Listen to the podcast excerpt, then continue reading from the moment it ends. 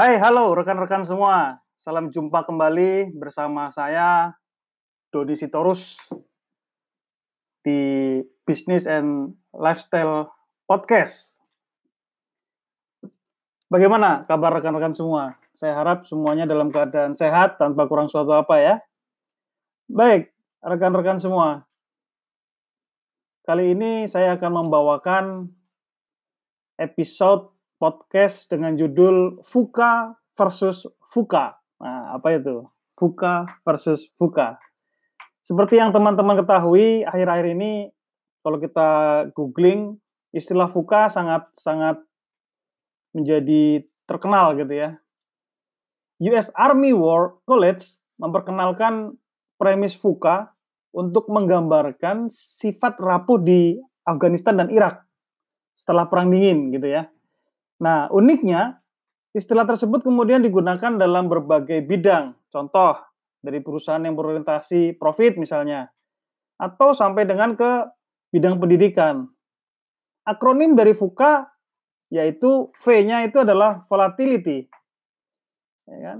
U-nya adalah uncertainty, C-nya adalah complexity dan A-nya adalah ambiguity.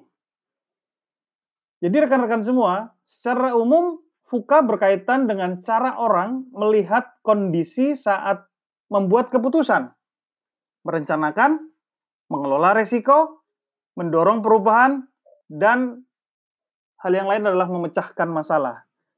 Oleh karena itu, FUKA dinilai dapat mendorong kapasitas sebuah perusahaan atau organisasi dalam menghadapi perubahan yang dinamis di dalam dunia bisnis contohnya terutama dalam era transformasi digital seperti saat sekarang ini.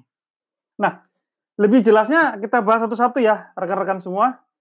Volatility itu artinya adalah sebuah perubahan dinamika yang sangat cepat dalam berbagai hal seperti contohnya sosial, ekonomi, atau politik. Nah, uncertainty itu bermakna, bermakna sulitnya memprediksi isu dan peristiwa yang saat ini sedang terjadi gitu ya.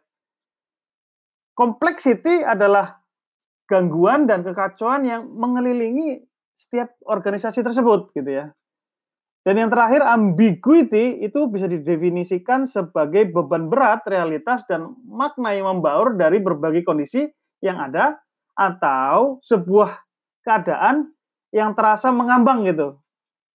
Dan kejelasannya masih dipertanyakan. Nah, lebih jelasnya kita kasih contoh ya rekan-rekan semua ya.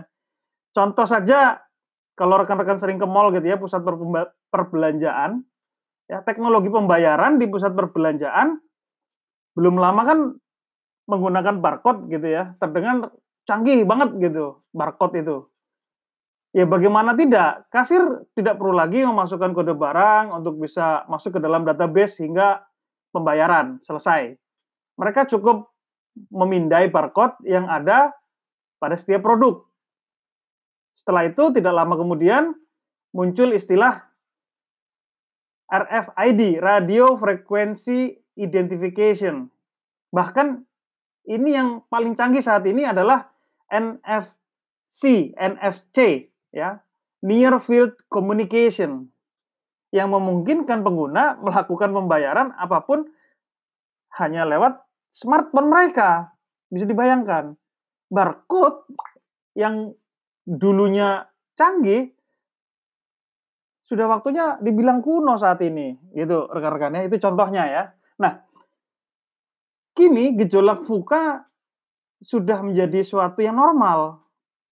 Kenormalan yang baru tidak bisa disikapi dengan gaya yang lama, teman-teman. Atau rekan-rekan semua.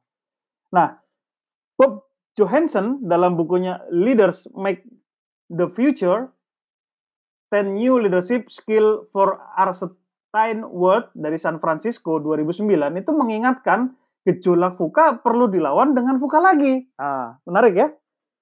Nah, fuka yang kedua ini kependekan atau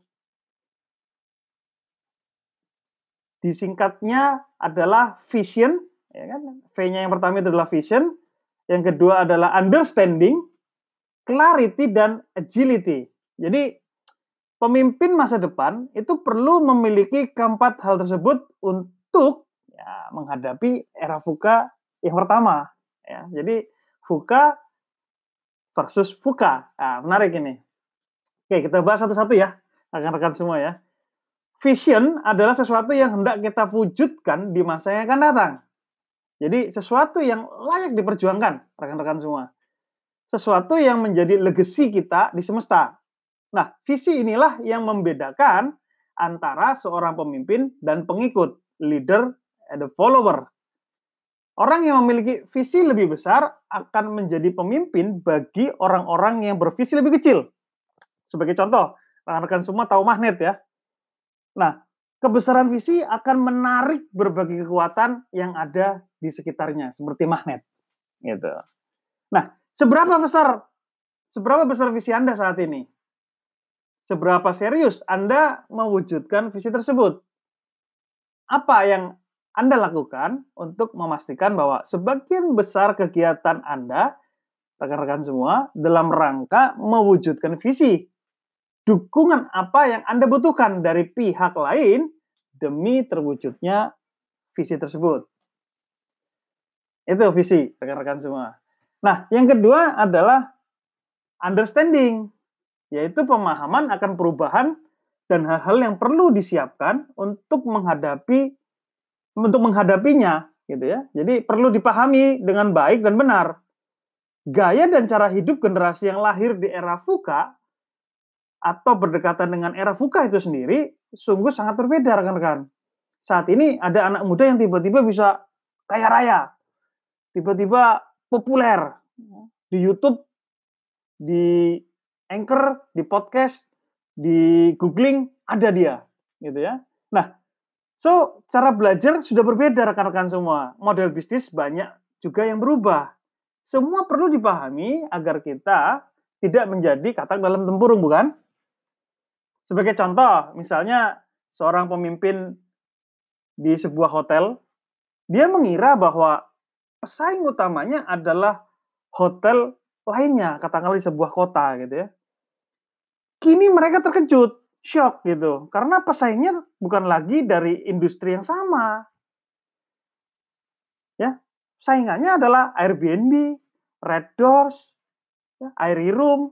Nah, pesaing mereka ternyata ada lagi GoFood, GrabFood, dan para penghuni hotel tidak lagi memesan makanan di hotel, tapi melalui itu tadi, ya, GoFood, GrabFood, dan lain sebagainya, yang jauh lebih murah, banyak cashbacknya, ya kan?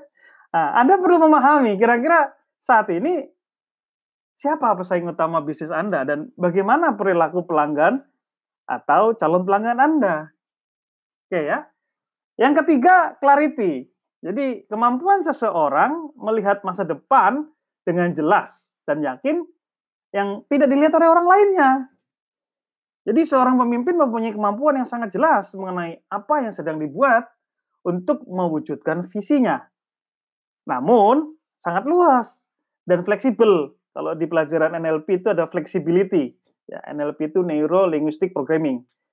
Jadi fleksibel mengenai bagaimana cara membuatnya. Gitu ya, rekan-rekan. Nah, menurut pimpinan Kompas Gramedia, Pak Yakob Utama, itu dia bilang begini, tegas dan jelas dalam prinsip, lentur dengan cara. Nah, jadi kita perlu dengan jelas tahu dan paham mana yang termasuk prinsip, hal strategis, atau cara dan metodenya. Gitu, rekan-rekan semua.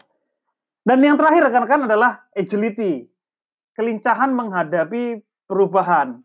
Ya, saya kalau sama teman-teman saya di Sertrova Coaching and Training, kita ada tugas gitu saling saling mengingatkan, lincah, lincah gitu ya. Ayo kita lincah gitu. Nah, menghadapi tuntutan konsumen, perkembangan baru yang tiba-tiba muncul wajib melekat ada pada pemimpin di era yang sekarang. Apabila Anda tidak lincah, maka so pasti Anda akan kalah. Apabila Anda sulit berubah, tidak mau berubah, maka Anda akan punah seperti dinosaurus gitu ya. ya yang mau berubah, ya ayo bersama Dodisitorus gitu. gitu rekan-rekan ya. Jadi bagaimana rekan-rekan? Apakah rekan-rekan semua siap menghadapi fuka dengan fuka?